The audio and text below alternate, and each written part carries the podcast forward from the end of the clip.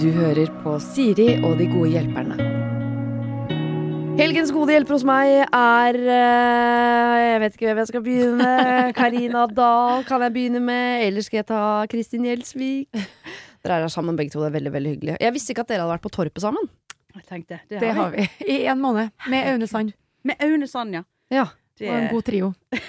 Si, hva snakket dere om, men det har vi vel ikke tid til å gå gjennom. så- Underliv! Snakket om underliv. Jordbærmus og greier. Om jordbærmus i en måned, ja. Ja, ja. ja. Men det var hyggelig. Meg og Kristin hadde jo veldig hyggelig. Ja. Vi ble jo veldig tight. Ja. Eh, tror jeg ingen jeg snakka med om så mye ting som jeg snakka med deg om. Nei, i like måte. Så vi hadde det virkelig, virkelig fint, altså. Ja. Og så ble det litt mye Altså en kvinnens åpning og forløsning og greier. Det var veldig mye greier Ja. med Aune Sand. Han er jo en, eh, en poet, En underlivspoet. En slags underlivspoet. rett og slett. Ok, Jeg var ikke forberedt på å snakke om korp i det hele tatt, men jeg er jo en eh, reality-søkker. Ja. Eh, både av og på kamera, så det, jeg syns det er gøy å høre om uh, hvordan folk har hatt det. Men uh, apropos det, Karina. Uh, jeg følger jo med på NRK om dagen hvor du synger. Ja, De, eh, alle sjangere. Det er helt riktig. Og jeg vet ikke, Du kan velge nå om du vil snakke om operaen som var, eller countryen som kommer. Altså, For å si det sånn, så er jeg veldig glad at jeg ikke skal synge opera igjen. Ja. Eh, og så gleder jeg meg veldig til country, da. Jeg Ja. hører jo masse på country. Og, men det som jeg kjenner litt på nå, fordi jeg gjorde jo Den fineste Chevyen, Halla Pris og Maria Mena, Mm. i en litt sånn countryversjon når vi hadde norsk på norsk-sjanger. Stemmer. Og etter det så virker det som at alle bare sånn Å, du er countryartist, liksom! Og jeg bare Nei, nei, nei. Så nå er forventningene lagt så høyt, da. Så jeg, bare, jeg ble, bør jo være mer redd nå enn på operaen, der fallhøyden var veldig liten, egentlig. For der var det jo ikke forventa at jeg skulle være så flink. Men nå virker det som at folk er bare sånn Å, du kommer til å gjøre det så bra på lørdag. Men Nei, ikke si sånn! For da er det så mye som skal til. Er det hemmelig hvilken sang man skal synge? Nei da, jeg skal synge Redneck Woman. Så nå har jeg gjort en del ballader i egentlig alle programmene, utenom Mm. rock, da. Men uh, nå tenkte jeg skulle prøve meg på litt dansing og sånn, og uh, være litt sånn uh, Ja, være litt sånn. Ja. Får dere hjelp til det? Det har jeg alltid lurt på. Sorry, Kristin. Jeg Det er kjempeinteressant! Jeg elsker dette. Kommer det en koreograf inn og sier 'hva om Ja, du ja, ja. sjunger litt på hoftene her', og Ja, jeg var på sånn koreografitime i går, og da hadde de laga en helt sinnssykt kul koreografi. Og så er jeg liksom med på, på litt, da. Jeg er jo ikke med sånn helt uh, Bordar-moves, men uh, ja. Jeg tror det blir veldig kult, da. Ja. Jeg tror det handler litt om å vise seg fra litt forskjellige sider også. Jeg er veldig glad i det organiske med band og sånn, men eh, nå skal jeg danse litt òg, da. danse litt, ja. Mm. Ja. Gå, uh, hoppe rett over på Kristin fra dans, for forrige gang vi hang sammen uh, mer enn normalt, Kristin, var jo når vi var med i Skal vi danse, og du, uh, du sliter jo med å komme over uh, danseexiten. Kommer kommer nok aldri over den exiten der i det hele tatt. Nei da. Så For du det. elsker å danse, du skulle gjerne dansa mer, Ja, det er tydeligvis ikke det jeg er best i, altså åpenbart. Men kanskje, en, kan, kanskje, kanskje en vakker dag så er det jeg som er proffdanser. Skal vi danse? Nja. Jeg skal danse med Karina jeg neste år, faktisk. Jeg skal lære Karina noen moves. Ja. Nei, vet du hva? Nei, vi trenger ikke snakke mer om det. Det er jo på tide å get, uh, get going, på en måte, med livet sitt. Ja. Jeg tenker ikke så mye på det, helt ærlig. Ja, det er veldig Jeg bare liker ikke å se på det. Jeg ser ikke på det. Kommer aldri til å se på det heller. Kanskje Jeg hvis ser på Karina det. er med. Jeg ser på det, men jeg syns det er jævlig kjedelig. Nei, nei, jeg syns det er ganske underholdende. det må jeg bare innrømme. Eh, men jeg har også fulgt med på øh, Instagram at du har jo vært på en øh, reise som jo ikke de fleste tar. Hva Nei, er det du, har- hva er det du har gjort? du, jeg har vært eh, nede i eh, en flyktningleir i Hellas, faktisk. Ja. Jeg har vært på min tredje tur eh, til Lesvos. Hva gjør du der? Der eh, observerer jeg. Mm. Prøver å være et medmenneske, da, og, og gjøre det jeg kan for å skape en litt bedre hverdag for eh, mennesker på flukt. Mm. Um, så det er jo en ganske sterk tur å reise på. Spesielt etter jeg har blitt mor. Og det å Mm. se så mange barn vokse opp under helt uverdige, umenneskelige forhold, er helt sykt. Men det jeg har virkelig lagt merke til denne gangen, som jeg ikke gjerne tenkte så mye over på forrige gang, det er eh, hvordan Norge helt sånn ukritisk deler eller eh, altså spytter så mye penger inn i denne leiren. Sant? Altså Mm. hvordan de da gir bistand uten å kritisere forholdene og uten å kritisere Hellas for måten de bryter menneskerettigheter på hver eneste dag. Så det er en eh, ganske sånn Det er politisk, dette her. Det er ganske skittent og jævlig. Men er det på på. eget initiativ? Drar du nå alene? Drar ned alene. Det er hjertet ditt, liksom, som drar deg ned dit. Hæ? Det er hjertet ditt som bare drar deg Ja. ned dit. Det er rett og slett det. Men hva gjør du da? Bare kjenner du til halla? Hei, her er jeg Nei da, altså nå Jeg har vært eh, eh, i dialog med en organisasjon Ja. eh, som på en måte da har vært grunnen til at jeg har fått fripass Ja. inn i denne leiren. Du kan jo ikke bare komme som et menneske og bare sånn Hei, nå skal jeg inn og dokumentere. Det er ikke de interessert i i det hele tatt, selvfølgelig. Men eh, allikevel på eget initiativ, så jeg betaler liksom for turen sjøl. Det vet jeg mange som har vært litt sånn nysgjerrig på. Bare får du det dekket og sånn. Nei, nei, nei. Det er jo ja, mitt eget engasjement, da. Ja. Eh, For det er en vanvittig stor krise som blir veldig fort glemt. Sant? Vi skri, det skrives om det i media i tre sekunder, og så fortsetter vi, vi med våre liv. Og det skal vi jo selvfølgelig gjøre. Men det handler òg om å legge press på maktpersoner, de som faktisk kan få til en endring her. Mm. Eh, og jeg tenker at det er annerledes å høre eh, skildringer fra ja, en journalist man ikke kjenner til, eller Leger uten grenser. Det blir veldig stort, mens hvis jeg reiser ned, så når jeg ut til på en måte, i hvert fall mitt publikum på en litt annen måte, for jeg har en litt annen tilnærming. Ja. Så det å fortelle verden hvordan situasjonen faktisk er, ett år etter brannen i Moria, det brant jo i fjor, eh, og vi tok jo imot 50. Sant? Vi evakuerte 50 flyktninger. Det var jo en skam i seg sjøl. 50 flyktninger som for øvrig var håndplukket av norske myndigheter, som ikke engang kom fra leiren som brant ned. Så det er ganske mye sånn skittent politisk spill her, så jeg dykker litt inn i nå. Ja. Så nå, eh, det er liksom litt mitt mission. Nå Så føler jeg meg bare sånn derre Å, opera var så fælt, og. Nei, men herregud. Nei, men eh, Jeg klagde i stad fordi kaffeautomaten på jobben er Ja, ødelagt. ikke så ja, vi har alle vårt. Vi har alle vårt. Og Ja. det er, altså selv om noen har det verre altså Det vil alltid være folk som har det verre, og vi har lov til å klage på våre ilandsproblemer. Mm. Absolutt. Men eh, det handler også litt om å åpne øynene litt og, og, og Det syns jeg det er veldig kult at du litt. gjør. For at jeg blir veldig engasjert når jeg ser på dine stories, og så tenker jeg fy faen. Oh. Du er veldig flink. Ja, men Og inspirerende. Ja, men det, det er veldig hyggelig å høre, Mm. altså. Og så får vi jo se, da. Det, målet med dette er at vi får uh, til noe større. Eh, og det krever jo ganske mye. Så vi får se hva vi klarer å få til etter hvert. Det er veldig viktig og veldig fint det du gjør, eh, Kristin. Og eh, dere skal få lov til å gjøre fine og viktige ting her også. Ja. For her har vi jo da en bunke med problemer som dere skal få lov til å løse sammen. Som handler om andre mennesker eh, som syns at et eller annet i livet er vanskelig. Og det er alt fra eh, kaffeautomaten er ødelagt, Ja. og opp. Ikke opp mot flyktningleir, det vil jeg Nei. ikke påstå. Men uh, vi har altså noen ting som er uh, ganske alvorlige. Ja. Mm. Her kommer første problem. Ja. Hei, Siri og Gårdperne. Jeg lurer på hvordan man kommer seg ut av bo alene eller singelbobla. Ideen Mm. om eh, kjæreste er åpenbart ønskelig. Altså, jeg ser venner som har kjæreste, og skjønner at det er noe fint. Jeg kan absolutt tenke meg at jeg egentlig vil inn i et forhold, men samtidig så kan jeg ikke se for meg å bryte ut av bobla mi.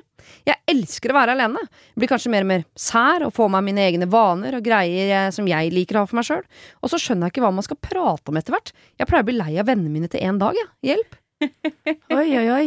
Her er det en som tydelig har vært singel veldig, veldig lenge. Og er Ja. usikker på om hun i det hele tatt kommer til å klare å være i et parforhold. Ja, men jeg har ei sånn venninne som er sånn, og liker seg så godt. Og jeg har jo vært singel egentlig veldig lenge. Ja. Nå har jo jeg vært i et av og på-forhold i to år, som akkurat ble slutt for eh, femte gang. og nå må, bare, nå må jeg bare kutte ut. Ja. Men jeg òg blir litt sånn herre Hvem faen skal jeg ende opp med? Og hun har banna. Ja, det er lov. Hvem skal jeg ende opp med? Jeg forstår, ærlig forstår ikke. Nei. Men hvorfor, hva, når du tenker at jeg klarer ikke å se for meg hvem jeg skal ende opp med, er det fordi du ikke klarer å se for deg den personen du vil ende opp sammen med, eller er det fordi du ikke klarer å se for deg deg som At- en man ender opp med, liksom? Nei, altså, jeg er jo et catch, hallo.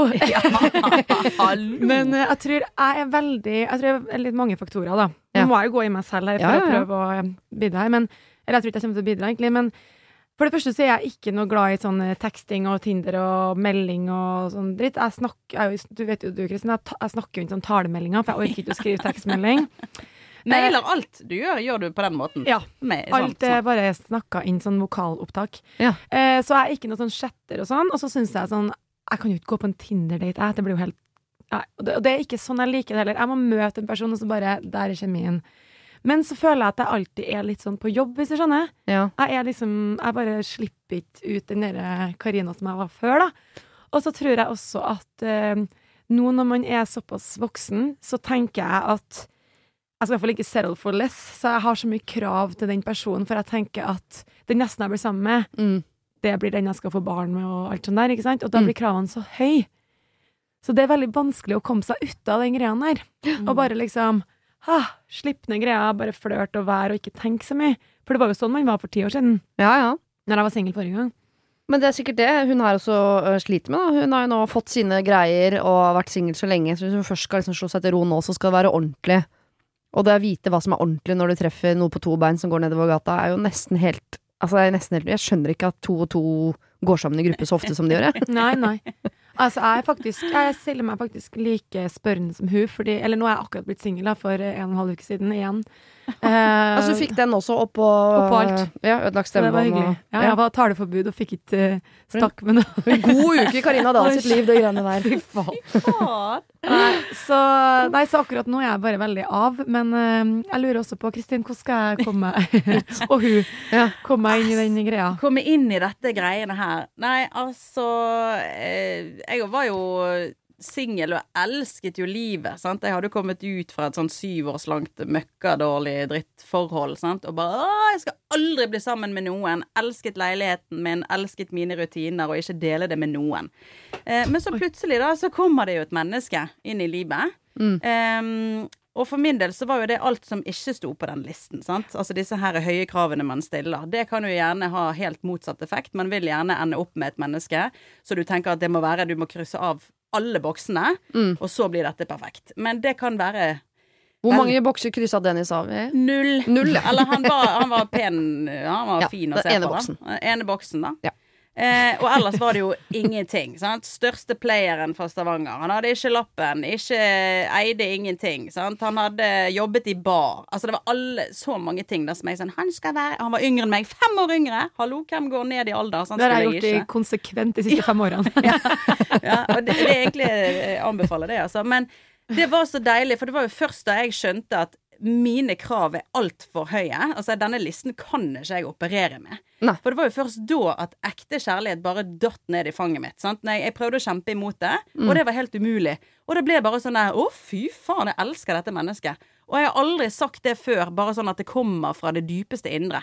Men det skjedde med han. Og jeg bare «Åh, Jeg elsker deg! Altså, det bare kom som sånn helt naturlig ting. Rett Ja. ut av systemet. Nå har jeg glemt spørsmålet, så jeg vet ikke hva jeg holder på å snakke om. Nei, det er hvordan man kommer ut av bobla, men det høres ut, altså, ut fra det dere har sagt nå, så høres det ut som eh, hvis man leter etter en som skal krysse alle boksene for å komme seg ut av bobla, så finner man det ikke fordi kravene er så høye. Nettopp. Hvis man ikke leter, men nesten kjemper imot, Ja. så finner man en som ikke nødvendigvis krysser av i alle eh, boksene, men som man kan bare eh, rope 'jeg elsker deg' til. Ja, faktisk. Ja, og det altså- er verdt å sjekke ut det, for det at eh, som sagt eh, Altså, jeg ser jo på det på mine venner òg, som har denne her klassiske listen, sant. De har ventet lenge. Ja. Altså, de er single fremdeles, sant, og noen av de nærmer seg 40. Og, og det er sånn Ja, men jeg venter på liksom Mr. Right. Ja, men han finnes Han ikke. finnes altså, det er umulig. Det er jo samme som oss, og så kan vi sjekke av på alle boksene, da? Ja. Nei. Ja. Ja. ja, ja, men det er jo liksom sånn Man må jo kanskje tenke det at Man er jo ikke sjøl perfekt, så man kan Nei. ikke finne det ultimate, perfekte objektet, på en måte. Og så er hun jo redd for hva man skal prate om etter hvert. Jeg er lei av venninnene mine etter én dag, og det kan jeg kjenne meg igjen i, for jeg blir fort lei av situasjoner og folk, Mm. og jeg, er veldig ofte at jeg tenker sånn Åh, nok av deg, nå vil jeg være alene. Mm. Eh, og så skal man da plutselig være sammen med ett menneske hver dag resten Jeg husker jeg tenkte når jeg ble sammen med min mann sånn Åh, skal vi være sammen hver dag? Det kommer til å bli helt jævlig. Eh, og så har vi vært sammen hver dag etter det, og det har gått helt fint. Men hva man snakker som etter Man snakker jo ikke sammen etter hvert. Nei, det, det er jo det. Også det er første man slutter med. ja, man, ja, det, er det. Ja, og, og det er det òg går greit. Det er jo det som er så deilig, at man kan være stille sammen. At vi bare kan være i samme rom uten å preike. Og Ja. så er det veldig Ja, men jeg tror at Hvis man treffer en person som man har en god kjemi med, så trenger man ikke å føle på at det blir stilt og at det er kleint heller. Nei, nei, nei. Men jeg tror også at uh, hvis man møter en person som er litt pågående, skulle jeg si, men en som ikke gir seg helt, da. For det er det som har skjedd de to gangene jeg har havna i lange forhold. Så har jeg møtt noen som jeg har liksom hatt interesse for, men så har jeg blitt sånn nei, nei, nei. Men så har de faen ikke gitt seg. At De har bare liksom kjørt på, da, og da blir jeg litt sånn OK, han her er jo kanskje litt kul likevel, så kanskje hun bare må møte noen som, som er litt på, da. Ja. Så kanskje hun blir litt sånn Ja, men faen, det her var kanskje ikke så dumt likevel. Jeg tror rett og slett hun må bare, uten å lete for mye, så må hun finne Mm. en fyr som sprekker bobla hennes. Ja. Så man bare, og hvis den bobla ikke sprekker, så må man hente hammer og spiker, og så må man knuse den bobla. Og mase litt, mase seg inn i livet hennes. Derfor det jeg tenker nå, er at jeg greier ikke å stresse med en puck. Mm. Og det som skjer, det skjer. Eh, hvis jeg ikke får barn, så gjør ikke jeg det, og det får bare være greit. Og Mm. får jeg det, så gjør jeg det. Og altså sånn, det, alt som skjer, er bare greit. Ja. Ikke liksom legge sånn press på seg selv. Nei. Det tror jeg er lurt. Det er en fin overgang til neste problem, det Ja. der med barn. For vi skal til en eh, kvinne på 31 som ikke har tenkt til å få eh, barn, men hun skriver heller. Hvordan skal jeg få min mor og de fleste kvinnelige familiemedlemmer til å forstå at katten min, som er verdens søteste og smarteste, blir det eneste barnebarnet de får fra meg? Er ikke katten min god nok? Hilsen ønsket om et barnløst liv med katt. Her kan Kristin svare, fordi hun skulle i hvert fall ikke ha barn. Altså, jeg du ikke skal har jo ha. altså, Hun skulle mange ikke ha barn. Nei, jeg skulle ikke ha barn. Jeg var jo frivillig barnløs. Gud, det var jo skriverier om det i ukevis. Ja, Ja. det hadde vært så mange saker om det, og så plutselig så skjedde jo det. Du, jeg må bare si det. Jeg glemmer ikke det. Altså, vi, Etter Torpet så møttes vi etter mange måneder, vi hadde jo vært busy begge to. Og så skal vi endelig møtes og ha en kveld sammen, og jeg kjøpte meg liksom champagne, og bare Kristin skulle lage mat, og det var ikke måte på. Så kommer jeg liksom inn døra, jeg bare woho med flaska, og så bare tar hun opp genseren sin og viser frem magen sin.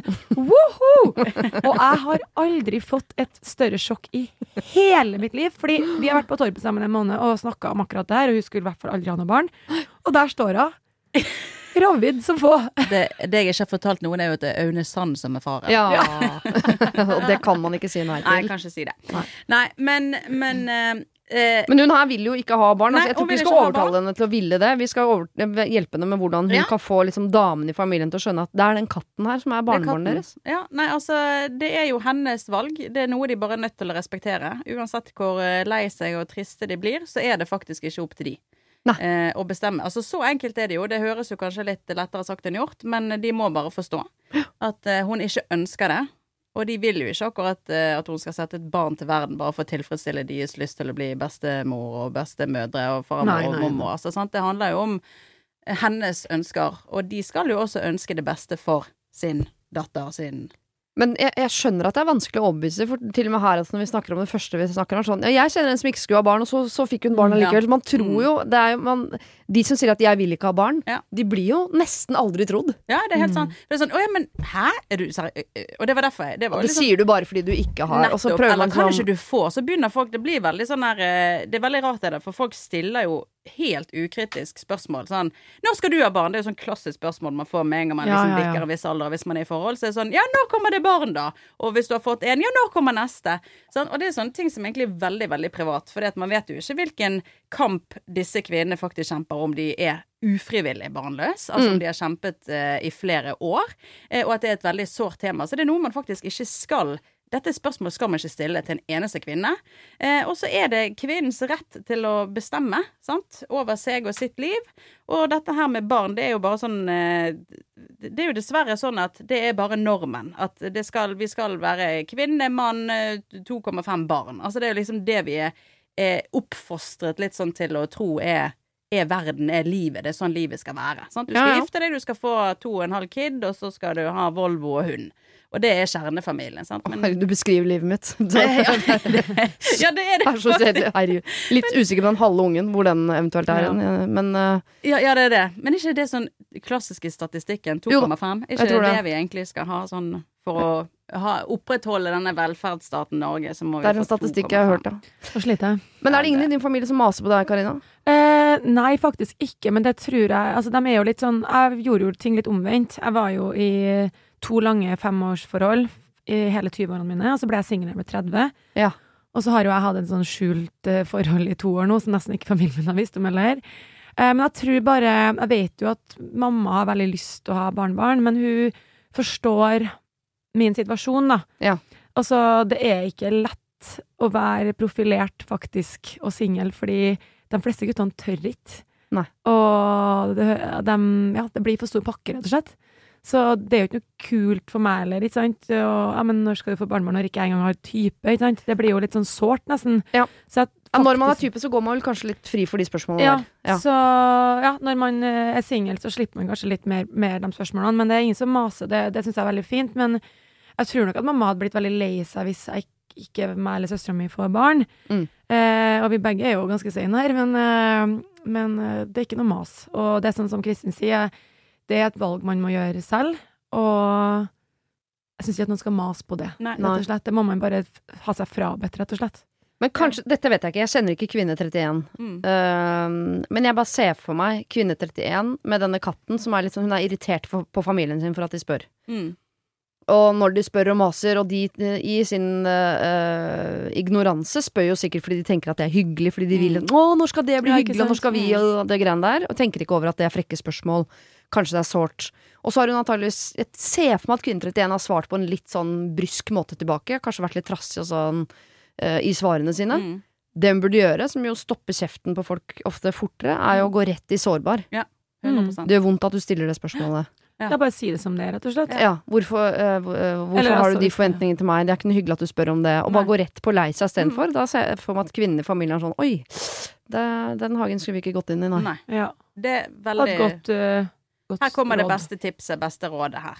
Men å få de til å, å elske den katten som om det var deres barnebarn, den, den kampen tror jeg var Det blir Ja, det blir- ikke noe sånn strikka vest med matchende shorts og det, Beklager. Altså, jeg hater katter, så jeg klarer dessverre ikke å, å, å ta den kampen der for hun, dessverre. Nei, jeg elsker katter, men jeg kommer ikke til å gå i kattedåp og strikke katteklær og gå i kattekonfirmasjon og Nei, ikke sant. Det, det blir ikke bleiekake til den nye katten, og det gjør ikke det, altså. Det gjør faktisk ikke det. Så bare eh, fortell familien din at eh, du blir lei deg når du stiller spørsmål. Det trenger ikke å være sant engang. Bare Bruk det for det det er verdt. Skal vi se at de slutter å spørre. Ja, veldig bra. Ok, her er det en som har et vanskelig problem med en venn. Ja. Eh, vi gikk på folkehøyskole sammen tidligere, og der hadde vi ikke så mye kontakt, men vi var i samme gjeng. Dette er nå fem år siden. Denne sommeren kom denne vennen til meg på besøk til mitt hjemsted. Hun fikk hilse på venner her jeg kommer fra, hun var på kjæresten min, eh, jeg fikk vise henne naturen her. Det var ikke koselig. Hun var en plage. Hun snakket kun om ting som ikke interesserte noen, og var utrolig negativ til alt. Hun eh, snakker om ting som har skjedd med henne, hvordan hennes psykiske helse er, og alt hun sliter med, mens når noen andre snakket, så kunne du se på henne at hun hatet det. Hun tar mye plass og er utrolig frekk, blant annet mot mine svigerforeldre, hvor hun tok seg veldig til rette og tok dette med føl deg som hjemme litt vel bokstavelig. Jeg en gang tar meg ikke så til rette der. Hva skal jeg gjøre? Nå vil hun nemlig henge med meg hele tiden, og jeg kjenner at hun presser energien ut av meg. Men jeg er jo konfliktsky, jeg vil jo ikke såre henne. Hjelp! Med vennlig hilsen, kan meg hva dere vil. Åh, gud, altså denne her Ja. Her ville du bare, i min verden, vært så lett at eh, dump her. Altså det er bare å si beklager, eh, vi kan ikke være venner. Du er en pain in the ass. Sånn? Snakkes, ha det. Jeg liker, jeg liker ikke trynet ditt. Ha det bra. Tenk så digg hvis man kunne gjøre det på Er den du måten. så, men er du så direkte? Nei, jeg har aldri hatt behov for å være så direkte Nei. mot en venn. Altså, jeg har hatt ganske kule folk i kretsen. Mm. Ja. Men tenk så deilig da, bare si så, vet du hva, jeg liker ikke trynet ditt. Ha det, slutt å plage meg. Aldri kontakt meg igjen. Ja, ja. Er det, er det innafor å si det? Ikke det det? Nei, jeg vet Burde det være Nei, innafor å det si det? syns ikke jeg. Det blir såra. Altså, jeg kan kjenne meg igjen altså, at jeg har hatt litt sånne relasjoner. For at jeg er veldig sånn som bare tar imot. På hvilken imot. side da? Hvem er du i denne relasjonen? Nei, altså jeg Er du en plagsom venninne, eller Ja, det har Nei, men altså, jeg har jo hatt um, noen sånne relasjoner med ja, folk som bare ikke passer kanskje helt i, i greia mi, da. Og Mm. jeg, jeg har jo litt sånn tough love kjærlighetsspråk, for eksempel. Og så har du hatt sånne venninner som kanskje trenger litt sånn De trenger litt mer å bli trøsta, mens jeg er litt sånn Du, ta altså opp igjen, opp på hesten, ferdig. Så gir jeg kanskje ikke det de den trøsten at de trenger, da. Mm. For at jeg er ikke sånn. Jeg er litt mer sånn fort og gæli og tjo og hei. Mm. Og det jeg tror er egentlig bare å prøve å la det renne ut i sanda. Bare sånn Vær busy, ha ikke tida. Mm. Bare prøv også å pushe det forsiktig unna. Ja. For da er det ingen som blir såra, og så får man bare Iblant så passer man bare ikke sammen, altså. Nei. Altså, det er jo sånn det er i forhold. Noen ganger så er det sånn, det er ikke noe gærent med deg, det er ikke noe gærent med meg, men vi to skal jo ikke være sammen. Og sånn er det jo egentlig i vennskap Ja. også. Selv om jeg er jo litt mer tilhenger av la ting renne ut i sanda på Mm. vennskapsfronten Mm. enn brudd. Uh, for jeg tenker at det er litt sånn At det er litt unødvendig å bli fortalt sånn jeg, jeg vet jo at det er hundre ting med meg som er fullt mulig å ikke like. Jeg, jeg trenger ikke at folk skal påpeke det, for jeg, kom, jeg kommer til å være sånn uansett. Ja. Ja, det er deg som Altså, det er jo sånn Vi er jo ulike mennesker, sant, men eh, men eh, gjør det. Altså, du er alltid busy, og la den Mm. bare koke ut i kål. Sant? ja, for du har jo hverdag og kjæreste og alt ja, med de busy, noe, Hun må jo ikke føle at hun har noe Må jo ikke henge med hun jenta her, eller gutten, eller hvem det er. så fra folkeskolen er man venner med Hvem? her? Det syns jeg var det rareste av alt. Ja, Kanskje fordi jeg ikke har vært på folkehøyskole. Hun vil henge hele tiden. Jeg kjenner at hun presser energien ut av meg. Det er jo noe med Jeg syns det er vanskelig, for det er veldig lett å si sånn la det renne ut i sanda, Ja. eller si eh, jeg orker ikke trynet ditt, men ja, jeg skjønner at begge deler kan være vanskelig, fordi en ting er jo hvis det hadde rent ut fra begge sin side, det er jo Ja. det det ofte eh, gjør. Mm. To mennesker liker ikke hverandre, det renner Mm, ut i sanda. Mm, mm. Men her er det jo en som vil henge hele tiden, en som ikke vil. Og da skjønner jeg at behovet for å gå litt mer i retning av sånn Jeg liker ikke fjeset ditt. Ja.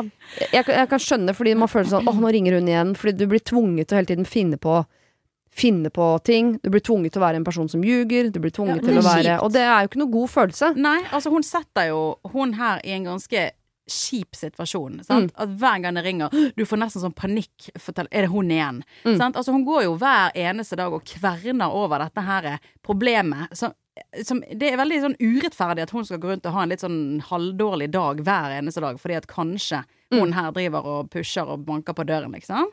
Eh, så Men med tid så vil det gå over. jeg tror du det? Men hvis hun er skikkelig standhaftig, da, hun er der venninnen og aldri gir seg, og hun er bare på, på, på, da blir hun jo aldri kvitt hun. Nei da, du men- skjønner jo et hint til slutt. Ja, gjør hun det, da?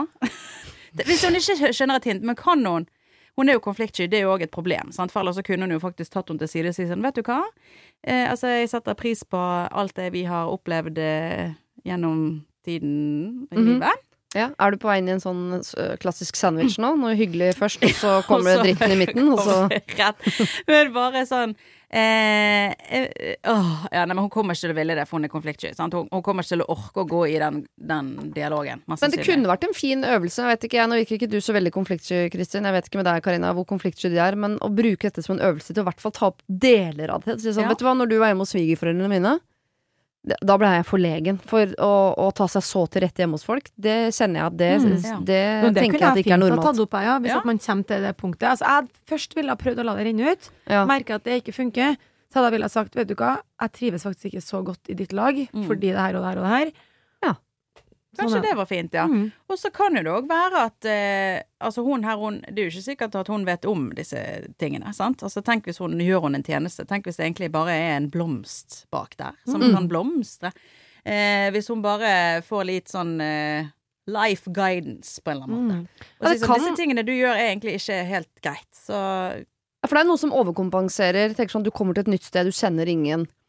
Du er egentlig usikker. Ja. Kan kjenne igjen uh, Ikke så mye hos meg selv, men jeg hadde en veldig god venninne i mange år som var typisk sånn som fremsto som utrolig selvsikker. Ja. Men så var noe hun, et sånt skuespill hun drev med fordi hun var usikker. Så i nye situasjoner, for eksempel, så ble jeg alltid Hvis jeg tok med henne til andre venner, og sånn, så ble jeg alltid flau fordi hun skulle være så øh, en, mye mer Ja. enn hun egentlig var. Fordi hun overkompenserte for at hun syntes det var en ubehagelig situasjon.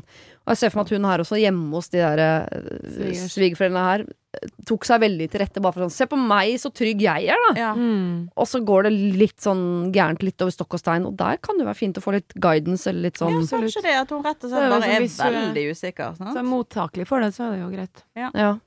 Eller så sier du bare at slett nummer, få deg ny telefon. Altså få deg nytt SIM-kort, flytt.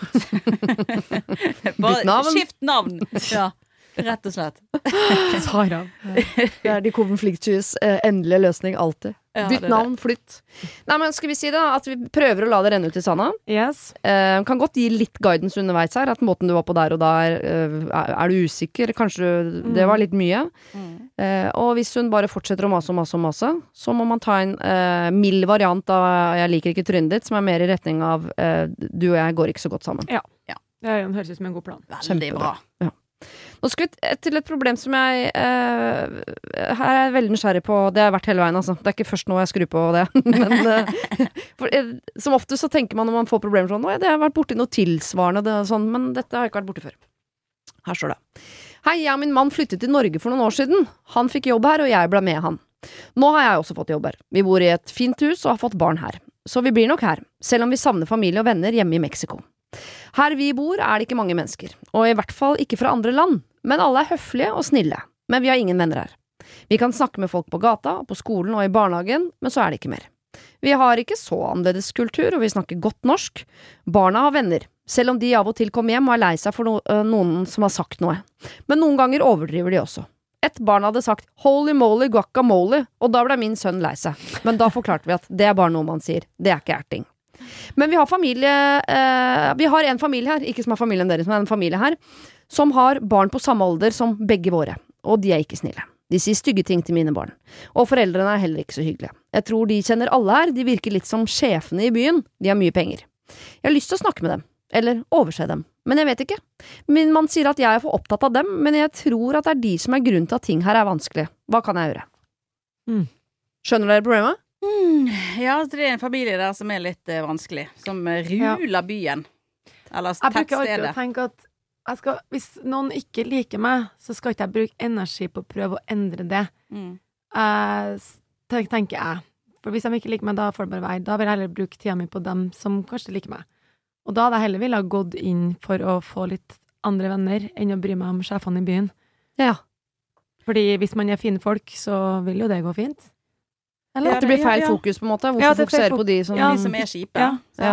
Altså, for de fortjener ikke Nei, det er akkurat det jeg eh, disse mener. hers oppmerksomhet, tenker jeg i det hele tatt. Ja, Hvis ikke de er liksom uh, de proppen i, i systemet, hvis du skjønner. For jeg, jeg, jeg vet at det er uh, kanskje litt naivt, men jeg, av en eller annen grunn så drar denne situasjonen inn i sånne klassiske Hollywood-filmer hvor det kommer en ny jente i klassen, Mm. får seg ingen venter fordi hun ene mest populære jenta i klassen har sagt fra til resten at ikke lek med henne, hun liker vi ikke.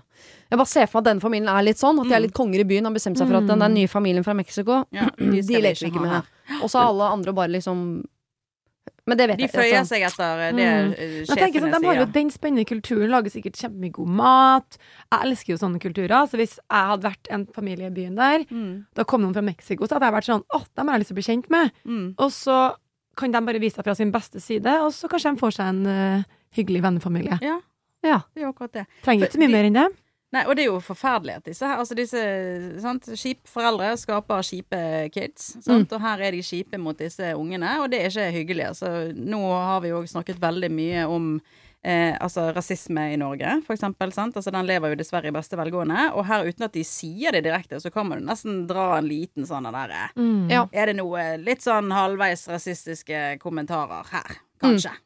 Antageligvis. Antageligvis. Og det er jo i hvert fall, i hvert fall ikke verdt å bruke energi på. Altså Da er disse folka virkelig verdt zero. Mm. Fuck de.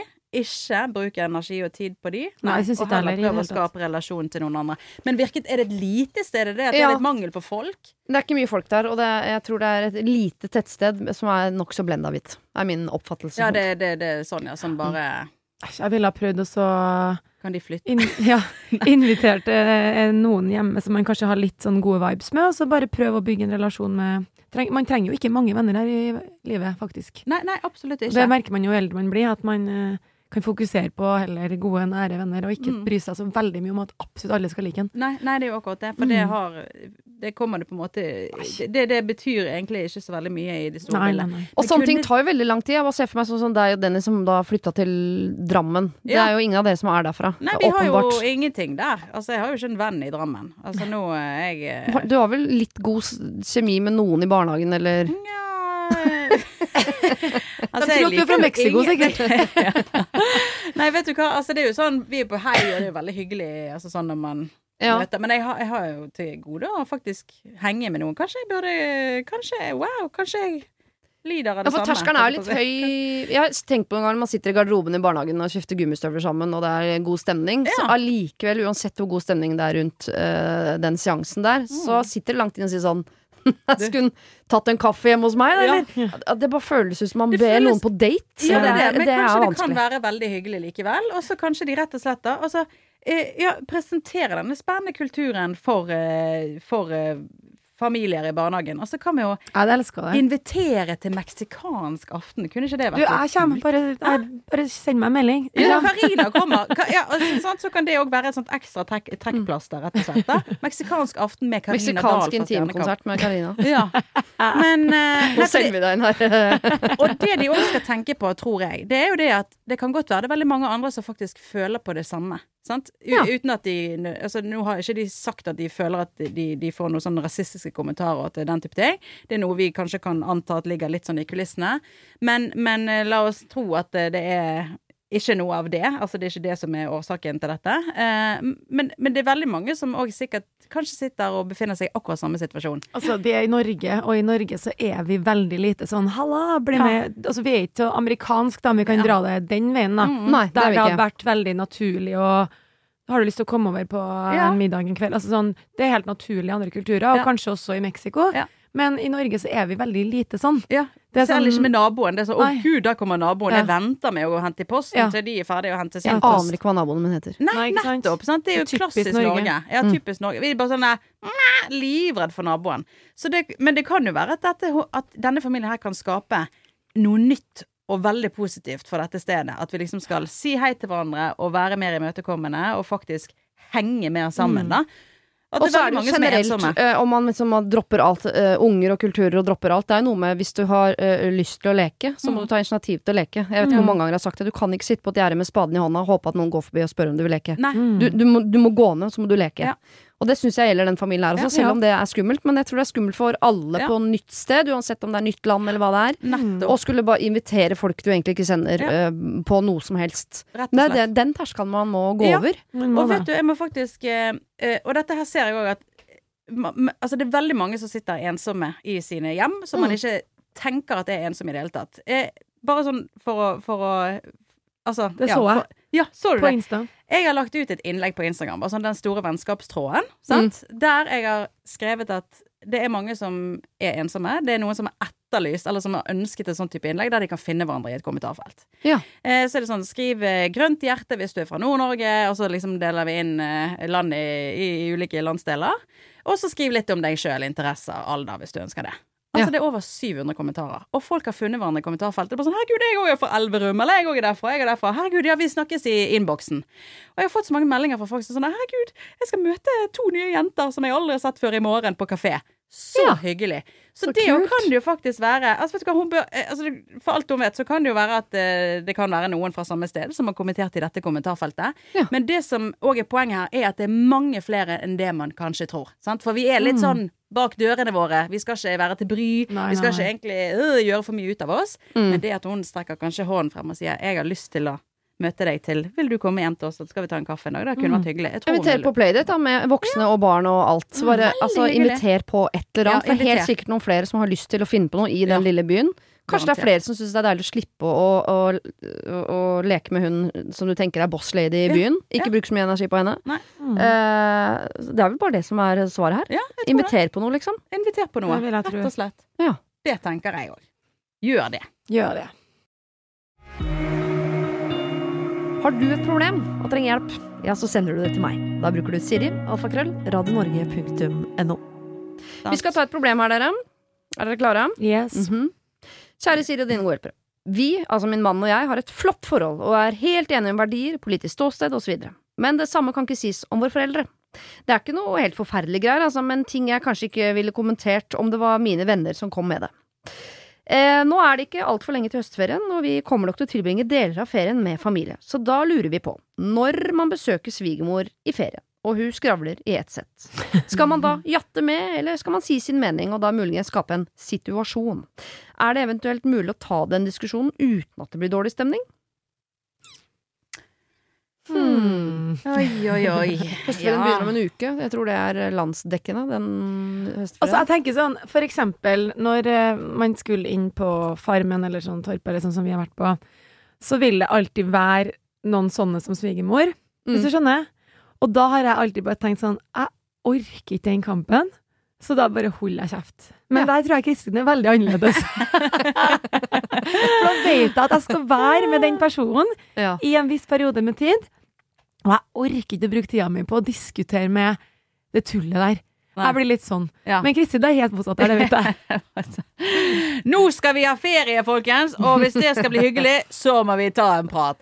Nei, men det er jo hvis dette, hvor lenge har hun Vi vet ikke noe om hvor lenge dette har vært svigermor. Har de barn? Vet vi noe om det? Nei, da hadde de sikkert nevnt det. Ja. Nei, altså, det er jo dessverre sånn at dette er jo et menneske hun mest sannsynlig kommer til å ha i livet sitt i mange år. Forhåpentligvis. Altså, Ja. man vil jo ikke at hun skal ta kvelden med det første. Nei, Kanskje hun vil. Altså, det er jo ikke godt å si. men- Men, eh, men eh, Det er jo sånn med en gang det blir så nær relasjon, da. Altså, hvor gammel er hun her, svigermor? Det vet vi heller ikke. Nei.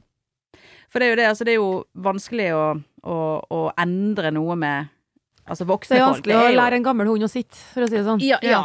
Mm. Så, så det kan jo være at, eh, at det vil bare skape mye dårlig stemning, og uten at det vil egentlig føre noe godt med seg i det hele tatt. For sånn er hun svigermoren bare. Mm. Eh, hun er fenomenet et- svigermor, liksom. Stort glass rødvin så ofte jeg kan, og så hadde jeg bare latt det stå til.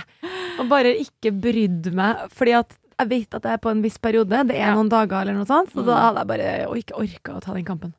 Men det hadde ikke vært greit, for jeg tenker, eh, som dere sier, at dette er jo et forhold som antageligvis skal vare lenge. Svigerforeldrene sine skal man jo ha noe med å gjøre uh, i lang tid. Ja. Det kunne vært fint om man hadde klart å liksom skape et miljø der man kan snakke om ting og være uenige om Mm. ting. Fordi eh, selv om eh, en stemmer rødt og en stemmer blått, så kunne det vært fint at man fikk muligheten til å snakke Mm. politikk, eksempel. Så ikke Ja, det bare blir sånn 'ja, du ja, går det greit på jobben om dagen', da? Ser du Ja. har eh, beisa nordveggen på hytta, blæ, blæ, dritkjedelig. Det kunne vært fint å kunne snakke om de tingene der uten at man krangler. For det er jo mange Mm. familier som snakker om sånne ting. Jeg er jo livredd dårlig stemning, så jeg også ville bare snakka om eh, eh, beis og de tingene Ja. der, for å liksom fly under radaren. Men det går jo an å snakke og være uenig om ting. Mm. eh, og det kan til og med bli temperatur på samtalen. ja. Men det er jo ikke en krangel. Nei, nei, nei. det er jo bare sunt å kunne diskutere litt, naturligvis. Men det Men, kommer jo an på eh, den svigerfamilien. Men jeg hun kunne jo bygd opp til en sånn at hun var nysgjerrig på sånn Ja, ja jeg, jeg stemmer jo Arbeiderpartiet, så jeg, jeg er ikke så inn i hva Frp driver med som du stemmer. La oss si at det er en sånn, for det er Mm, ja, ja. typisk en familie sånn. ja, Den ene typisk. stemmer Rødt, og den andre stemmer Frp. Ja. Men hva er det du liker så godt med Frp, da? Mm. Ja. Er det innvandringspolitikken, eller hva? Og så bare late som man er Være litt på jobb. Mm. Være nysgjerrig. Ja, ja. Men hva var det hun sa, at de er stygge med hverandre, eller var det noe jeg hørte oppi mitt Ja, hode? det har du hørt oppi ditt hode, ja. Å ja. Ja. Hva var det det var med de der svigerforeldrene, da? Jeg Nei, de var bare litt var så- uenige om politisk ståsted. Å ja, det var det de Sånn, ikke ja. ok, så det var ikke jeg, jeg hørte oppi mitt hode Det er veldig rart, for jeg hørte at hun har noen svigerforeldre. Altså, svigerforeldrene krangler masse sammen foran de andre og har en veldig sånn dårlig tone de imellom. Å ja, nei, nå har du forsvunnet inn i noen Jeg gamle har erfaringer. vært var helt ikke- ute. Så jeg hadde jo liksom bygget opp et sånt svar på det, at det kan jo være Nei, veldig rart. Jeg, jeg vet ikke hvor Nei. jeg har vært de siste fem minuttene. Men nå, eh, nå skjønner jeg mye mer av hvorfor du av og til kan havne i diskusjoner. Hvis du til stadighet hører sånne ting inni hodet som ingen har sagt. Men det var det noen som sa! Og det var faktisk ikke greit.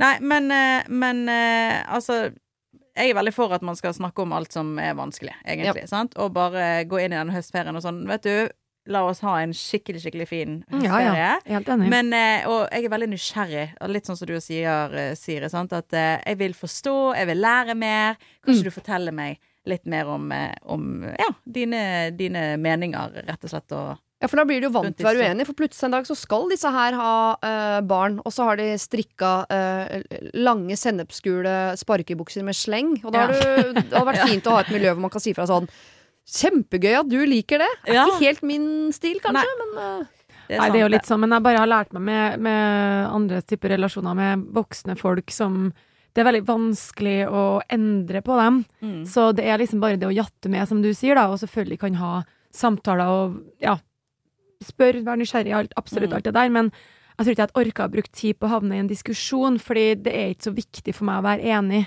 Alltid. nei, det er det. Det er liksom sånn, da er man uenig om det, og så trenger man kanskje ikke å tenke så mye på det, og så det kan man eventuelt, hvis man har lyst til å snakke om det, bare høre og jatte med, men eh, jeg hadde ikke gidda å bruke høstferien min på å diskutere, i hvert fall.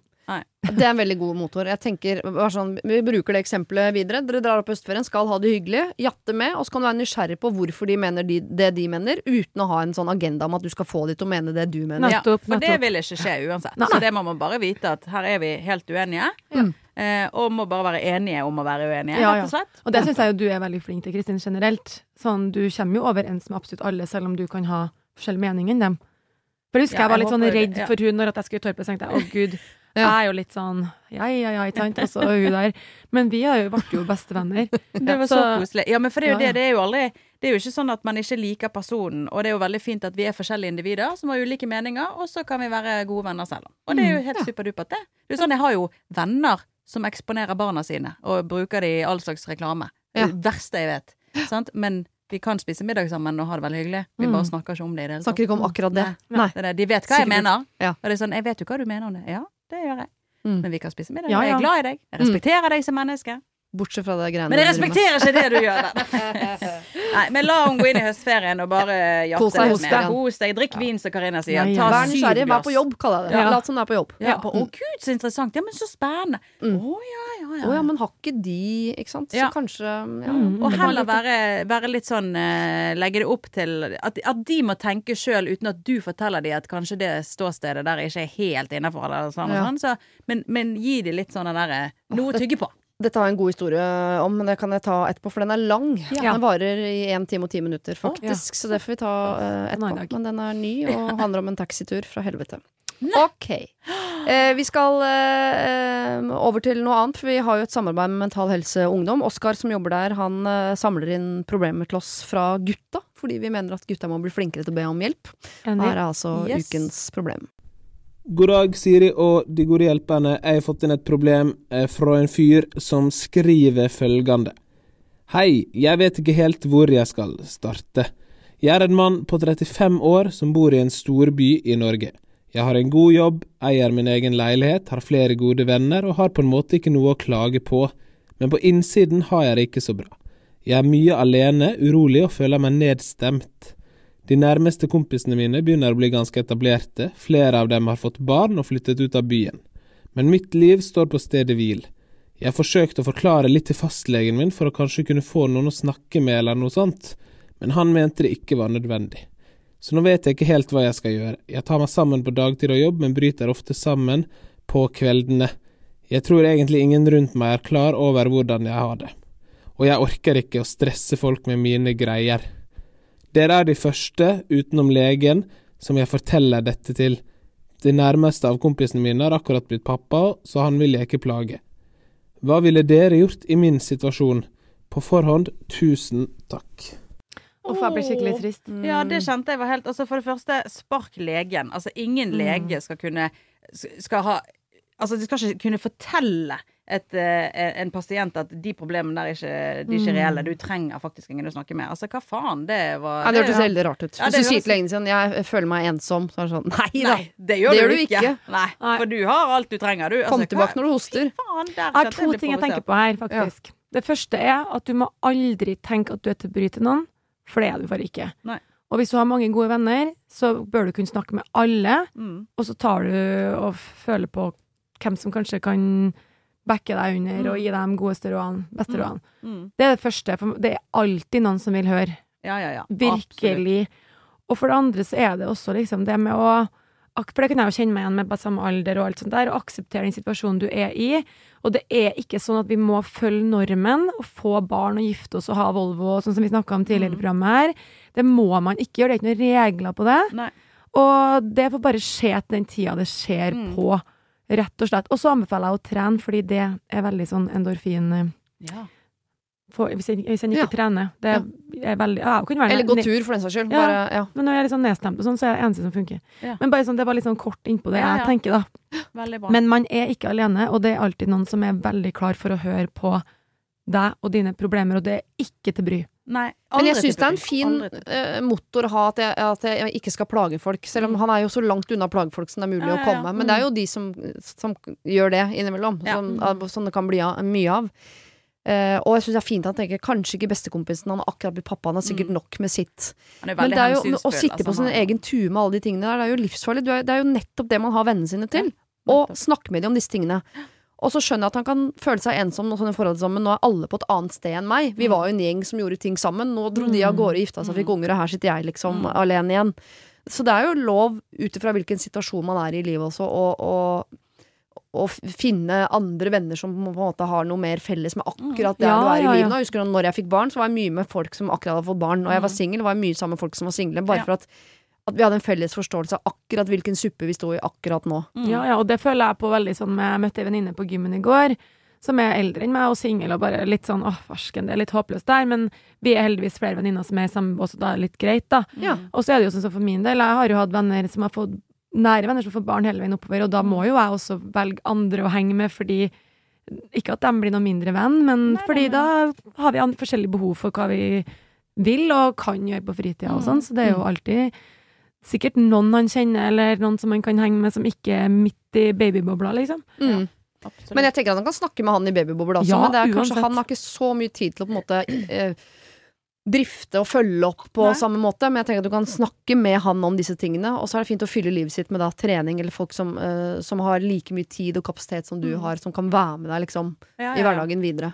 For det er, man må bare innse at vi har kommet så mye lenger enn denne normen. Mm, Som er liksom å få gifta og få barn før du er 25. Det, Ja. det, er, som, det er så langt bort, da. ja. Mm. Han har Eh, jo ikke noe hastverk. Altså, det er jo ikke sånn at han må føle at å herregud, nå, nå, nå er alle de andre på et sånt sted, og der bør jeg å være nå. Og da får man gjerne litt sånn krampaktig Man blir litt sånn stresset fordi at Men jeg, har ikke, jeg dater ikke engang. Eh, men men eh, plutselig så skjer det. Altså, det er liksom ikke noe sånn Du må Mm. være så og så gammel eh, og, Altså, det, det altså, Og det er ikke sikkert han han, ikke- vil inn den bobla heller, men kanskje sant, man bare er savner alle de vennene. Alle hadde Ja. så mye tid før, mm, og nå har dere ikke det. Nei. mm. Men det som Karina sier, altså ja, omgås med de som, som ikke helt lever dette her eh, A4-livet. Og for å si det sånn, jeg har ikke ord på hvor mange liksom eh, venner som er i den babybobla som bare Kan jeg få livet ditt i bare én Mm. uke, for jeg er på å kveles? Mm. Jeg, Så- eh, ja. Kristin vil jo gjerne ha et eh, halvt år Jeg tar jo et livet. halvt år i Ja. Karina sin Så- leilighet, jeg. Han må bare nyte noe der han prøver, prøver å nyte der han er i livet, for at ting vil komme dit. Mm. Mm. Eh, og jeg er i hvert fall veldig sånn herre Og gjør ikke det, så er det greit, det òg, men det er Ja. sånn Prøv heller, for at du vil ikke se tilbake på La oss si at han får barn, da, om Mm. fem år. Så ser han tilbake på midten av 30-årene hvor han satt og hata at ikke han var der allerede. Mm. Da vil du angre deg for å tenke at hvorfor brukte jeg så mange år på å sitte og Ja. Altså, det her kommer jo. Så Ja. vær i nuet og Ja, prøv å kose deg med det du Og har fyll det med noe. Fyll Ja, de fyll det kveldene med noe. noe. Om det er eh, Kanskje han ikke er så, så glad i en klassisk trening, men begynn med et eller annet eh, Et Jeg bare tenker sånn, Hadde jeg nå plutselig ikke hatt eh, mann og barn som fylte alle kveldene mine, så har jeg begynt med orientering. Lett. Ja. Ja. Eh, eller ja. noen syns eh, padel er livet plutselig. Eller ja, ja. begynn på dansekurs eller sjakk, eller bare et eller annet som ja, Ja. Begynn å strikke, liksom. Gjør et eller annet. Og så sett pris på, altså prøv å liksom se på livet ditt litt utenfra, da. Ja, du har en jobb du trives i. Flott, sant. Du har en leilighet, det er jo Mm. helt supert. Og så se det positive, altså sett pris på de positive tingene du har i livet ditt. Mm. Og nå begynner verden å bli litt mer normal. Det er innafor å reise snart, sant. Og det er jo det kanskje allerede når man er vaksinert og sånn. Mm. Book deg en tur. Ta deg en Viken et eller annet sted. Dra aleine på tur hvis ikke du får noe med deg. Men det kan òg bare være veldig sånn Mm. Fy flate, bare eh, dra til en by du aldri har vært i før. Eller bare gå på de der DNT-hyttene. Jeg gjorde det for noen uker siden nå. Herregud, man blir jo venner med alle. Man eh, Ja, møter en og peis i stø hvis man har gått i sju timer. Ja, Ja, ja, ja, ja. klart det. Og så snakker man eh, Nei, så, så det er jo Ja, fylle livet sitt med noe som, som ja, gir for det noe. det, jeg ser Mm. bare på livet som sånne forskjellige kapitler. Nå er vi i det kapitlet her, og bare nyt det i stedet for å lengte etter hvilket kapittel du ikke er i Ja, akkurat det nå. er akkurat det. Lag din egen boble, og ikke Ja. tenk at du plager folk. Yes, absolutt det, ikke. Og spark legen. Spark legen. Ja, Legen må ut. for det der er jo helt ute. Ok, dere. Dere har sikkert hørt eh, at folk, det er mye snakk om kjærlighetsspråk for tiden. Ja, ja, ja. Ja, det- At folk har Den forskjellige boka, kjærlighetsspråk. jeg har lest den. Ja. Kjærlighetens fem språk. Her er det en som eh, også har lest den boka, tror jeg, for hun skriver her. Samboeren min og jeg har vært sammen i åtte år, og vi er begge 24 år gamle. Han er mitt favorittmenneske, og det er ingen tvil om at jeg har funnet min match. Han er morsom, smart, omsorgsfull og har de samme verdiene som meg. Vi er suverene på å løse krangler, har rikelig med alenetid og støtter hverandre i alt vi gjør. Problemet er at vi har to ulike kjærlighetsspråk. Hans måte å vise kjærlighet på er i form av tjenester, som eksempel kjøre, hente, passe hund, betale gladelig mer enn meg, og så lignende. Vi har som regel sex noen ganger i uka, og han får meg alltid til å føle meg elsket da. Men han er generelt lite glad i nærkontakt sånn ellers. Han spuner meg ofte før vi legger oss, og jeg kjenner aldri på dette problemet når vi er på soverommet. Da kan vi ligge og skravle til langt på natt, selv om vi begge ble enige om å legge oss tidlig. Det jeg syns er kjipt, er at det generelt er lite romantikk sånn ellers. Jeg er fra naturens side en ganske flørtete person, og jeg skulle ønske det var mer romantikk og flørting i hverdagen. Han jobber på kveldstid, så han sitter ofte og jobber mens jeg er i sofaen. Ofte føler jeg da at jeg ikke blir sett, og at jeg oppleves som plagsom hvis jeg spør om ting. Han sier at det er fordi han er sliten og har mye å gjøre, samtidig som han har ikke noe særlig behov for nærhet. Jeg har fortalt han så mange ganger at jeg mangler den delen i våres forhold, og at jeg rett og slett blir lei meg av mangelen på nærkontakt, romantikk og komplimenter. Til tider føler jeg at han er, eh, ikke er forelsket i meg lenger, vi er liksom bare samboere, og jeg må nærmest mase for at han skal kjøpe blomster, sitte ved siden av meg i sofaen eller gjøre sånne små ting for meg. Dette problemet blir som regel enda større når vi er med for eksempel venner. Jeg tror det er så ille at det hadde vært klin umulig å se at vi to var kjærester hvis, hvis det hadde blitt satt opp et skjult kamera. Ettersom dette er noe vi har snakket om så utrolig mange ganger, så føler jeg at det ikke er noe vi kan snakke noe mer om. Han virker litt oppgitt ettersom han har hørt dette hundre ganger før. Jeg synes det er kjipt å måtte spørre kjæresten min om å få mer oppmerksomhet, ja, men jeg synes fortsatt jeg fortjener det. Jeg mener selv at jeg ikke ber om så mye, altså, for jeg ønsker ikke å være kjærestepar som er limt sammen 24-7. Å gå fra han er ikke et alternativ, men samtidig så er jeg jo ikke 100 lykkelig sånn som det er nå. Hjelp! Mm. Mm.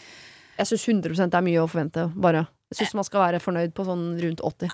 For å si det sånn, altså hun skisserer jo opp eh, drømmeforhold, spør du meg. Altså de kan ligge i sengen og skravle til langt på natt, og at de har en sånn type god kommunikasjon. Altså det er gull verdt, det vokser ikke på trær. De spuner, løser problemer og ligger sammen de to har ganger i uka. sex flere ganger i uken. Altså jeg kjenner bare det at vi er forskjellige av natur, sånn er det bare. Kjærlighetsspråk, det kan ikke endres. Det er noe Du har et sånn type kjærlighetsspråk. Ferdig snakka. Vi Jeg har ikke lest den boka. Er det en greie? Altså, akkurat man ikke kan bra. lære gammel, gammel hund å sitte? Ja, men det er litt sånn, for eh, det, det, det er litt sånn bare mora og faren min, for eksempel. Jeg husker når jeg leste den boka. Pappa er veldig sånn han gir veldig sjelden ros. Han er øh, veldig god på tjenester og fikse og ordne og sånn, mens mamma er sånn hun roser meg så mye at jeg, jeg vil, Hun er den personen jeg sier takk mest til, liksom. Altså, Ja. sånn, så sånn er det jo bare, at man Mm. er veldig forskjellig. Mm. Men det handler bare om å akseptere at man har forskjellige kjærlighetsspråk, Ja. og så heller være glad for de fine tingene, for du Mm. kan faktisk ikke få i pose og sekk. Nei, nei, du kan ikke Du det. kan faktisk ikke det. Nei, og, og det er jo sånn det og det, det, For de har hatt snakken, og det er veldig fint at han er klar over hva som er hennes kjærlighetsspråk. Og da kan jo han selvfølgelig Greit, han kan gjøre en litt større innsats og kjøpe en eh, blomsterbukett i ny og ne, men hun må forstå at det er ikke sånn han velger å vise kjærlighet. Så, så det er det samme med Dennis og meg. Vi har helt forskjellige kjærlighetsspråk. Eller vi har én ting vi deler til felles, det er tid. Altså det at jeg gir han tid til å gjøre sine ting, og omvendt. Sant? Ja, sånn, ja. Man, ja, den type. At du liksom Du er litt, litt sånn raus med, med tiden, da. At han kan sitte og spille videogames. Ja, sant? Og da kjenner jeg at å herregud, jeg føler meg så elsket, selv om det er kanskje litt sånn banalt og rart, Fordi vi er jo ikke sammen uansett, men bare det at du gir han den gleden. Mens jeg har òg litt sånn jeg, jeg elsker jo å få blomster, men det er ikke hans kjærlighetsspråk, så han gir det til meg aldri.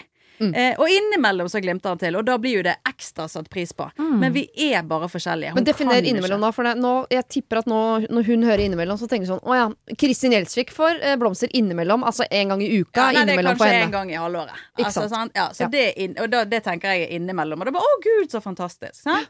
Eh, så hun skal prise seg lykkelig over at de har et så godt forhold etter så mange år og de er så unge. For det er sånn de har vært sammen i åtte år, de er 24, Ja. og du kjenner at dette er your person. Be- Vet du hva, vær fornøyd, sier jeg bare, Ja, for her er det for mye å kreve. Rett og slett. Ja. Ja, jeg synes mener jeg ja. helt- Ja, fordi man skal alltid prøve å møtes litt på midten her, da, og hvis hun har sagt det og sånn, så Men jeg tror at jo mer hun maser, jo mer kjipt syns han det er. Mm. Så jeg hadde heller bare ville prøvd å leve med at han har det kjærlighetsspråket, og være fornøyd med det. Ja, for det blir jo litt sånn at Altså, hun blir på en måte aldri fornøyd, sant? Og det er jo kjipt for han å høre at herregud eh, Altså, blir hun aldri Altså, er, er ikke jeg bra nok som jeg er, på en måte, sant? Altså, hun Mm. kan ikke endre han. Hun vil jo ikke endre han heller. Og igjen, for å gjenta meg sjøl, bare det at de faktisk kan ligge og skravle Mhm. til langt på natt, og denne spooningsen, selv om Mm. man ikke sover tett, tett, tett, det er jo gjerne òg noe man gjør helt i starten, og at Ja. man fortsatt spuner litt etter åtte år, det syns jeg er helt imponerende. Så Ja, ja, ja. etter å ha vært i forhold i snart ti, der det er liksom sånn det der eh, Hvor langt kan man ligge fra hverandre, nærmest? sant? Nei, Har det er ikke på det 1,80 nivået. seng? Du har ikke 2,80? Det hadde vært mulig å få 2,80. 2,80. Det ville være greit. Jeg syns at hun eh, krever litt for mye, og at hun skal eh, virkelig bare stå litt på utsiden og se inn på sitt fantastiske forhold, som høres veldig fantastisk ut i mine øyne. Og hvis hun sitter i et lag som er liksom ah, Nei, der uh, ser ikke ut som vi er kjærester og sånn, skal hun sette deg inntil en du, da. Sett deg Ja. og hold i Ja. hånda hans. Og hva- er poenget med at det skal se ut Ja, som de nei, er kjærester? sier det, men uh... Nei, men man har jo vært på fest med sånn par som har vært sammen i 100 år, som ser så utrolig forelska ut. Altså, Ja. Vi har et sånn par i vår vennegjeng som er sånn når de er på fest sammen, så ser det ut som de har lyst til å spise hverandre, Ja. liksom. Ja, riktig. Og da tenker jeg sånn, hvis jeg har vært på fest med min mann, så er det sånn når vi kommer hjem derfra, tenker sånn var, var vi på samme fest nå? Jeg kan ikke huske at du var der, og vice versa. på. Og da man jo få en sånn Å, kunne ikke vi hatt en sånn eh, tullelambada sammen, Ja. sånn Ja. som de andre? Eh, det, det kan jeg forstå. Men nå Ja. får hun jo eh, Nå får hun noe mer tupp i ræva enn råd, og det er også eh, Det er fint noen ganger, for jeg er litt enig at hun trenger det. At hun på en måte Hun vil ha 100% Jeg tenker sånn Du er så tett opp mot 100 som jeg tror man kommer Ja. nesten i et ja, parforhold nå. så Og tenk sånn, de blomstene han ikke kjøper En blomst kan du kjøpe Blomster kan du kjøpe sjøl. Ja. Ja. Du kan ikke spo, spune deg sjøl. Nei, nei. Han spu- altså- Tjenester og alt som er. Han ordner og fikser og henter og kjører og ja, ja. Ja. Ja, så tenker jeg altså, hvor, Hvorfor skal han møte henne i hennes kjærlighetsspråk? Mm. Han kunne jo satt seg ned og vært verre og sagt sånn Vet du hva, jeg har ikke lyst på så mye sånn nærhet, jeg. Nei, Så Mm. du må slutte å gi meg nærhet, for jeg vil ikke ha det. Det er ikke mitt kjærlighetsspråk, enkelt og greit. Og det Men han, han har jo ikke satt tonen på plass. Eller Nei, men jeg bare tenker, hvis, det. hvis dette forholdet her går øh, dårlig en dag, så er det nok heller det at det mases om å forandre kjærlighetsspråket, enn at de to kjærlighetsspråk De er jo klar over det. Ja. Bare det at de er klar over kjærlighetsspråk, har snakket om kjærlighetsspråk, definert, Ja. blitt enige om at de har forskjellig Ja. Mm. Bare det er jo helt eh, fantastisk, egentlig. For det skal jo også hjelpe til at man forstår hverandre enda bedre. Og man da får ja, forståelse for hvorfor ikke de blomstene kommer hver uke. Mm. Og så må man bare akseptere det. For i, i, i dette forholdet her, så er det ikke blomster hver uke. Nei, men det er Enkelt mye annet fint. Det er mye annet fint. Og sett pris på det heller. Og jeg tror jeg hadde blitt skeptisk òg, hvis mannen min har begynt å kjøpe blomster til meg hver uke. Og tenkt sånn, hva er det du driver og dekker over nå? Ja. Ja. Hva Ja. er det som skjer her? Hva er det du driver med, egentlig? Ja. Har du slutta jobben og fått deg en annen familie i en annen by, eller hva er det du holder på med nå? Men nå er vi litt strenge, vi er litt strenge Ja, med nå var vi litt men strenge. Det var jo ikke med vilje, men eh, vi, det kommer jo fra et godt sted. Ja, for det er et Mm, litt farlig spor. Sånn, øh, nå husker jeg ikke hvem det er som sa det, men at når man begynner å mase, liksom, og det Ja. blir for mye mas, Ja. du har tatt opp mange ganger, så på et eller annet tidspunkt så kobler han av alle kjærlighetsspråk. Han Ja. sier sånn, vet du hva, fuck it all, jeg orker ikke mer. Ja, ikke sant. Nei, Det er det som er skummelt. Dette, Dette fortjener jeg ikke òg, siden han faktisk er så god på så mange andre ting. Og det er Mm. sånn, er ikke dette her godt nok? Men herregud, jeg kan jo aldri aldri innfri, liksom. Jeg kan jo aldri tilfredsstille dette mennesket. Men komplimenter er en ting hun ber om, og der tenker jeg at selv om ikke det er ditt kjærlighetsspråk, det kan man bli flinkere på. For jeg tipper Ja. at når hun kommer øh, øh, ha på seg den fineste olabuksa si, at han innimellom tenker sånn åh, der er den rumpa jeg forelsker meg i. Mm. Hvis det er det han falt for, da. Jeg håper du har noe mer enn det. Ja. Eh, da tenker jeg at alle mennesker kan bli flinkere til å si det høyt. Ja, men jeg tenker tenker også at da mm, kan jo hun sette standarden litt, og da begynne å gi masse komplimenter hun, da. Ja. Så bare blir han litt sånn Kanskje han føler at han jo bør gjøre det, og at han føler at det er en hyggelig greie å få komplimenter, og bare Ja, det her var litt hyggelig, faktisk. Ja. Be a inspiration. Yes! Ja. Word! Word! Og hvis du vil at dere skal se ut som et kjærestepar på fest, så se ut som et kjærestepar på fest. Da. Ikke Ja, sitt borti en krok og håp at han skal Nettopp. sette opp det teaterstykket, liksom. Ah, nei, nå følte jeg meg litt slem. Nei da. Men Nei. noen ganger må vi si det Så som glad for at er. du har en kjæreste, du. Nei da. Ok. Ja, det, eh, beklager, jeg tror et forhold blir ikke 100% men det høres ut som du ligger og vaker på rundt 90, og det, Ja, det det, er veldig bra. veldig-. Veldig, bra. Helt supert ut, spør du meg. Vi skal eh, avslutningsvis her eh, inn på en arbeidsplass hvor det er litt utrivelig. Jeg jobber på et middels stort kontor der vi er delt inn i team. Jeg trives godt i jobben min, føler jeg gjør en god jobb og stort sett fornøyd med kollegaer. Men så er det denne ene, da. Vi har aldri funnet tonen helt, men jeg har alltid tenkt at vi kommer helt greit overens på det profesjonelle plan, da. Inntil nå.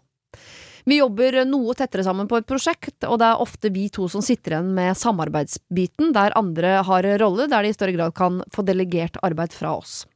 I forrige uke hadde jeg en ubehagelig opplevelse med denne kollegaen, som jeg jobber tett med. Jeg eh, fått, eh, hadde fått en mail på kvelden fra han, og det er ofte jeg svarer på de, men akkurat denne dagen var jeg opptatt og hadde ikke sett dette eh, før jeg kom på kontoret dagen etter. Da ba han meg bli med inn på et møterom og regelrett kjeftet på meg for at jeg ikke hadde svart på denne helt middels viktige mailen. Jeg ble helt satt ut og gikk rett i forsvar. Sa at jeg for en gangs skyld ikke hadde hatt jobbmailen oppe om kvelden, og at det faktisk må være lov å ha et liv utenfor jobb. Dette fyrte han enda mer opp, og det endte med- at han fikk en telefon midt i vår samtale og hastet ut av kontoret. Hele resten av dagen snakket vi så vidt sammen. Nå opplever jeg at vi later som ingenting, men det er en utrolig kald og avmålt stemning mellom oss. Kommunikasjonen er i stor grad flyttet over på mail, og de eh, har jeg nå begynt å prioritere å svare på. Så han eh, aldri skal sitte og vente. Dette er utrolig og ubehagelig, og det går selvfølgelig utover jobben vi gjør. Jeg har ikke snakket med noen om dette. Jeg opplever at eh, som mellomleder i et firma bør vi klare å finne ut av sånne ting på egen hånd, men burde jeg egentlig gå til en leder med det? Hva skal jeg si, uten å høres ut som en liten sutterunge? Jeg er i slutten av 30-åra sjøl, men i min bransje er det forholdsvis ungt, og jeg vil ikke være hun som ikke klarer å rydde opp i sitt eget rot. Skal jeg snakke med han? Hva skal jeg si? Er det eventuelt andre jeg burde snakke med? Og hvordan tar jeg det opp uten å høres ut som jeg bare vil klage på en filleting? Og det er Synnøve som skriver inn. Oi, oi, oi. Jeg ville ha tatt det opp med personlig gjeld under sånn rolig sånn Du, du må vi bare ta det her og legge det på bordet. Mm. Hva, hva Vi må vi snakke ut om det her. Ja. Altså, for her er det en person som du må forholde deg til. Det er ikke svigermor som Nei. eh, du skal bare være sammen med tett eh, en liten periode her, men du skal forholde deg til personen hver eneste dag og gjøre en jobb. Det går utover jobben. Mm. Da ville jeg satt meg ned. Du, nå må vi bare snakke om det her. Ja. Så tipper jeg at det kommer til å gå Ja, Det er sju og en halv time hver dag, liksom. Ja. Minimum. ja. Er det akkurat det. Og det, dette her, jo mer du tenker over det, jo, jo verre blir dette her. Sant? Og herregud, altså du, du begynner å nærmest Mm. tenke at situasjonen er mye verre enn det den egentlig er, fordi at du lager din egen lille story oppi hodet til slutt. Sant? Man blir rett og slett litt sånn paranoid i en Ja, sånn situasjon. Ja. Men, eh, men hun har jo uansett sitt på det rene, for altså, man er dessverre kommet dit i en sånn digital verden at man forventer svar i sekundet man sender en mail. Jobben er ferdig kanskje klokken fem eller når pokker det og Mm. da har hun faktisk altså Sitt på det rene, hun er ikke på jobb da. Enkelt og greit. Så ingen kan forvente heller. Med mindre hun får betalt for dette her, så kan jo ingen forvente at hun skal sitte og jobbe klokken 9-10-12 på kvelden. Det går bare ikke, og det må han faktisk bare akseptere. Sånn er situasjonen. End of story. Det er egentlig ikke noe mer å diskutere, annet enn at hun må ta det opp på en fin måte og si at det var en veldig ubehagelig situasjon. Jeg ønsker en veldig hyggelig relasjon til deg her på arbeidsplassen. Vi er jo egentlig veldig gode kollegaer. Eh, ønsker en fortsatt fin, superpositiv super positiv dialog. Men sånn som du reagerte, det kan du faktisk ikke reagere Ja, og er det noe som brenner på dass, så Ja. ring, liksom. Ja, ring, Altså send en sånn- melding. Altså, Ja, det, da, hvis det er skikkelig krise. Ja. Men hvis ikke, så må vi jo ta ting i arbeidstida, og ja, Ja. rett og slett. Jeg syns det er så rart at voksne folk uh, går rundt med sånn eh, syv og en halv timer ubehag hver eneste dag i lange perioder, Ja, ja. og bare godtar det istedenfor å ta den ene samtalen som kanskje er kneppet mer ubehagelig. Ja.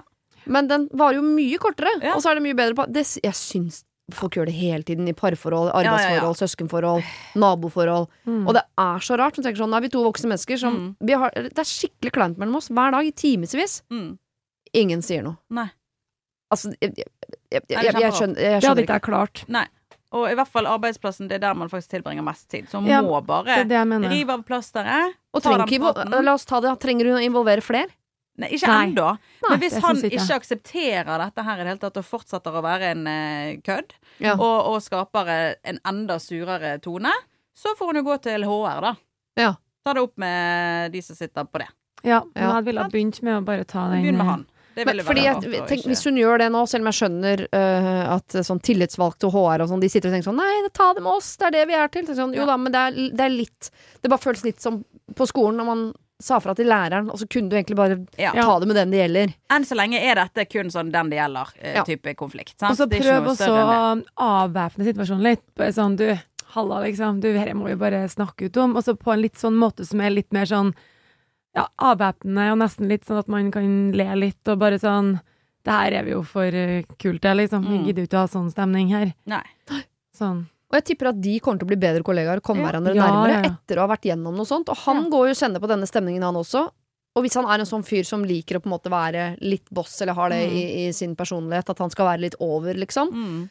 så kommer han antageligvis Det kan hende da, at han reagerer med å, øh, på en litt sånn dårlig måte hvis hun tar det opp, for han tenker sånn Fader, det er det jo jeg som burde gjort. Mm. Ja, sant. Men hun gjør det, og, på, og det kan godt hende at han også reagerer med at han blir letta. Åh, så deilig at du tok det. Ja, ja. For jeg har også gått og tenkt på det. Ja.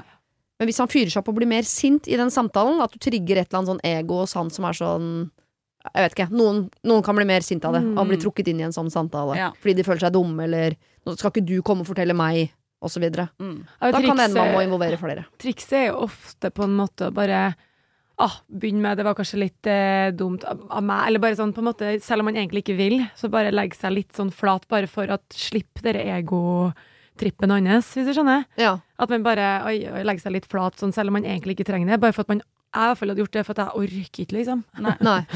Sånn, Jo, for det er noe herregud, med sånn Jeg pleier jo. å svare på mail på kvelden, men akkurat Ja. den kvelden fikk jeg ikke til. Så jeg, jeg skjønner at forventningen lå der, men Ja. eh, fremover nå, hvis det brenner på dass, Ja. send meg en melding, eller For det er ikke alltid. Stort sett, men ikke alltid. Ja.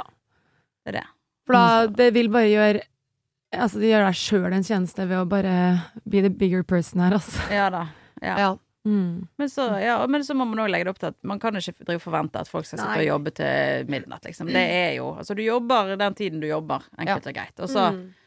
Det må man òg faktisk akseptere og respektere uh, folks fritid. Ja. Mm. Sant? Han kan jo ikke bli sur for det. Altså, jeg har en datter på ni år som brøt helt sammen her før skolen på mandag, var det vel. Hun sa hun hadde en klump i magen, for hun grua seg sånn. For hun hadde øh, kjøpt en gave, og så hadde hun ringt venninnen sin og sagt at hun skulle få denne gaven på skolen. Og så begynte hun å, å tvile på om hun øh, hadde valgt riktig venn å gi gaven til. Utrolig søtt og veldig knøttete lite problem, men hun hadde en klump i magen. Ja. Og så prøvde jeg å snakke om hva hun skulle gjøre, men sa den eneste måten å få klump ut av magen på, er å snakke om den. For det, det er noe med det du formulerer ordet med munnen din, så Ja. blir den klumpen til luft, og så Ja. går, går den ut sammen med ordene, liksom. Ja. Eh, og så var hun helt knust, grua seg til å gå på skolen. Vi lot gaven ligge, sa du gir den ikke til noen, da kjøper vi oss litt tid, sier at du har glemt den, og så snakker vi om det hjemme og sånn. Men bare ikke lag noe drama, ikke snakk til de andre om sånn jeg vil ikke inn til Ikke bli henne, liksom. Nei, nei. Og så kommer hun hjem da fra skolen den dagen og sa sånn Jeg snakket med henne, ja. Og så sa jeg Jeg var lei meg i dag morges. Fordi jeg visste ikke om det var riktig person å gi den til, for vi har ikke lekt så mye sammen. Så nå har vi blitt enige om at vi skal leke mer sammen. Ja. Så sånn. For et lite babygeni du er. Hun Så er ni år. Det var veldig eh, Jo, men da tenker jeg sånn Dette driver folk på ni år med, liksom. De har klump i magen på morgenen, går på sin arbeidsplass, som er barneskolen, Ja. Snakker om det på sin måte, Ja. og så er klumpen borte. ja, det er veldig bra. Det er folk på 30 år. Kom on, da. Kom igjen. Come ja, on. Men det er det. Det blir bra. Talk it out. Talk, it it out. out. Talk it out. Ja. Sant? Klumpen forsvinner ut med ordene. Ja, men veldig bra sagt. Veldig bra sagt. Det var veldig Ja. bra. Nå ble jeg inspirert. Altså, jeg ble veldig inspirert nå. Skal jeg snakke ut alle klumpene. Åh, Ah, det er så deilig å piske andre mennesker mens man roser seg selv sånn Ja. sitt, som mor og barna sine. Det syns Ja, jeg er så fint bra. å drive med på radio. Du Det er er ydmykt og deilig. ok. Eh, tusen takk, eh, Karina og Kristin. Så hyggelig at dere to fikk tilbrakt litt tid sammen igjen. Jeg har vært nydelig. så glad. Takk Ja. som inviterte oss begge samtidig. Vi skulle jo hatt Aune her, selvfølgelig. Det beklager jeg. Lykke til videre i Stjernekamp, Karina. Takk for Heier det. på deg. Kom og hei på, i publikum, dere to. Ja, Skal vi gjøre det, litt sånn nå? Ja, men skal vi det? Og så må vi ha sånn poster. Ja. Poster. Banner, Banner skal vi ha. Ja, ja. Kan man, får man det i NRK, eller må man lage ja, egen? ja, ordne det, ordne det. Du ordner det. Kjempefint. yes, Jævla altså. glitter. Sitt og på min. tegne min egen. Det var det. Husk å sende ditt problem til siri at radionorge.no om du vil ha hjelp. Denne podkasten er produsert av Klynge for Bauer.